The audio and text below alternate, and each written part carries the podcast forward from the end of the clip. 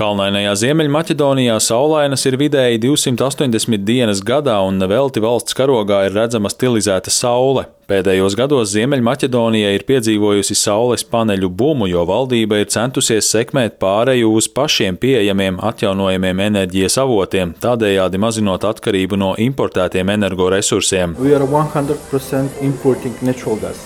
We are 100% importing Ziemeļmaķedonija importē pilnīgi visu valstī patērēto dabasgāzi, naftu un naftas produktus, kā arī aptuveni 30 līdz 40% no nepieciešamās elektroenerģijas. To Latvijas radio pastāstīja Dragans Minovskis, kurš ir enerģētikas eksperts un profesors elektronikas fakultātē Goces Delčeva Universitātē Štipas pilsētā.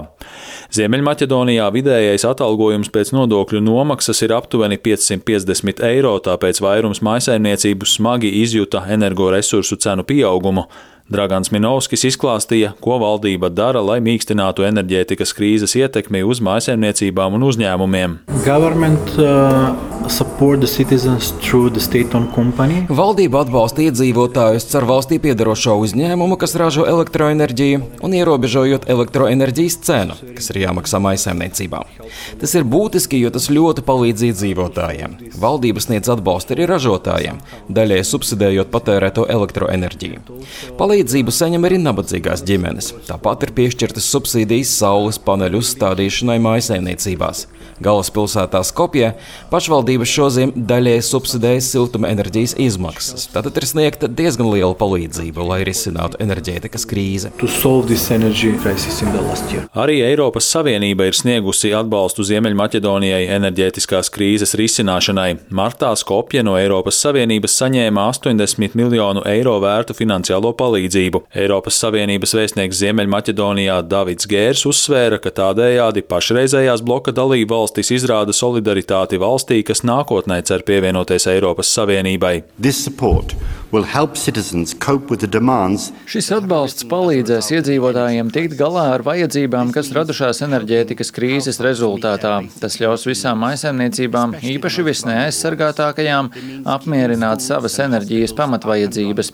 Tas nozīmē, ka skolas un slimnīcas varēs strādāt, un tas ļaus mazajiem uzņēmumiem nodrošināt pamatpreču ražošanu. Mūsu atbalsts iedzīvotājiem ir tikai daļa no plašākas apņemšanās palīdzēt reformēt Ziemeļmaķedonijas enerģētikas sektoru sektoru, lai nodrošinātu šai valstī efektīvu, modernu un zaļu enerģiju nākotnē. Dragāns Minovskis uzslavēja Eiropas Savienību par to, ka tā palīdz Ziemeļmaķedonijai īstenot taisnīgu pāreju uz zaļu ekonomiku, taču eksperts norādīja uz vēl vairākām lietām, ko Eiropas Savienība var palīdzēt uzlabot.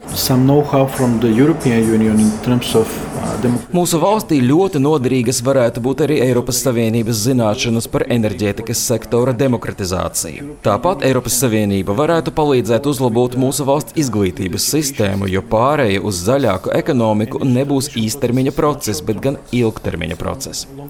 Šajā procesā būs iesaistīti visi sabiedrības locekļi, taču vadošā loma būs jauniem cilvēkiem, kuri nākamos 15 līdz 20 gadus īstenos zaļo pārēju. Visbeidzot, Eiropas Savienība varētu mums palīdzēt uzsākt reģionālus projektus, kas būtu saskaņā ar visas Eiropas pārēju uz zaļākas enerģijas izmantošanu. Mēs esam neliela valsts, tāpēc mums būs lielas grūtības investēt līdzekļus apjomīgos projektos. Šī iemesla dēļ reģionālā sadarbība būtu ļoti nozīmīga. Ar Eiropas Savienības līdzfinansējumu izveidoja Ziemeļmaķedonijā un visā Rietumbalkānu reģionā lielāko saules paneļu parku, ko atklāja pērna. 2022. gadā Ziemeļmaķedonijā izsniedza kopumā 267 licences elektroenerģijas ražošanai no atjaunojamiem resursiem, pārsvarā no saules. Sagaidāms, ka šogad izsniegto atļauju skaits būs vēl lielāks. Dragāns Minovskis norādīja, ka valdība var darīt vēl vairāk, lai sekmētu saules enerģijas izmantošanu un mazinātu atkarību no fosilajiem energoresursiem. Households in our country are not very well stimulated to install photovoltaic Diemžēl maisaimniecības mūsu valstī netiek pietiekami stimulētas, lai uzstādītu saules paneļus uz māju jumtiem. Pirms aptuveni pusgada tika veiktas izmaiņas enerģētikas likumā un vairākos apakšlikumos, kas dod iespēju maisaimniecībām daudz vienkāršāk uzstādīt saules paneļus. Nākotnē ir jāveic vēl virkne uzlabojumu, un es ceru, ka tos arī veiks, un arvien vairāk ģimeņu varēs uzstādīt saules paneļus uz savu māju jumtiem.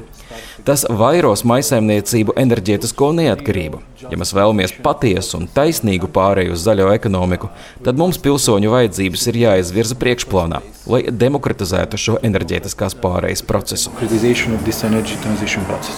Minovskis ir pārliecināts, ka zaļo pāreju nekas nevar apturēt, tāpēc Ziemeļmaķedonijai ir jāturpina uzņemtais kurs, lai sasniegtu pašas nospraustu ambiciozo mērķi līdz 2030. gadam panākt, ka vismaz 40% no valstī patērētās enerģijas ir saražota no atjaunojamiem energoresursiem.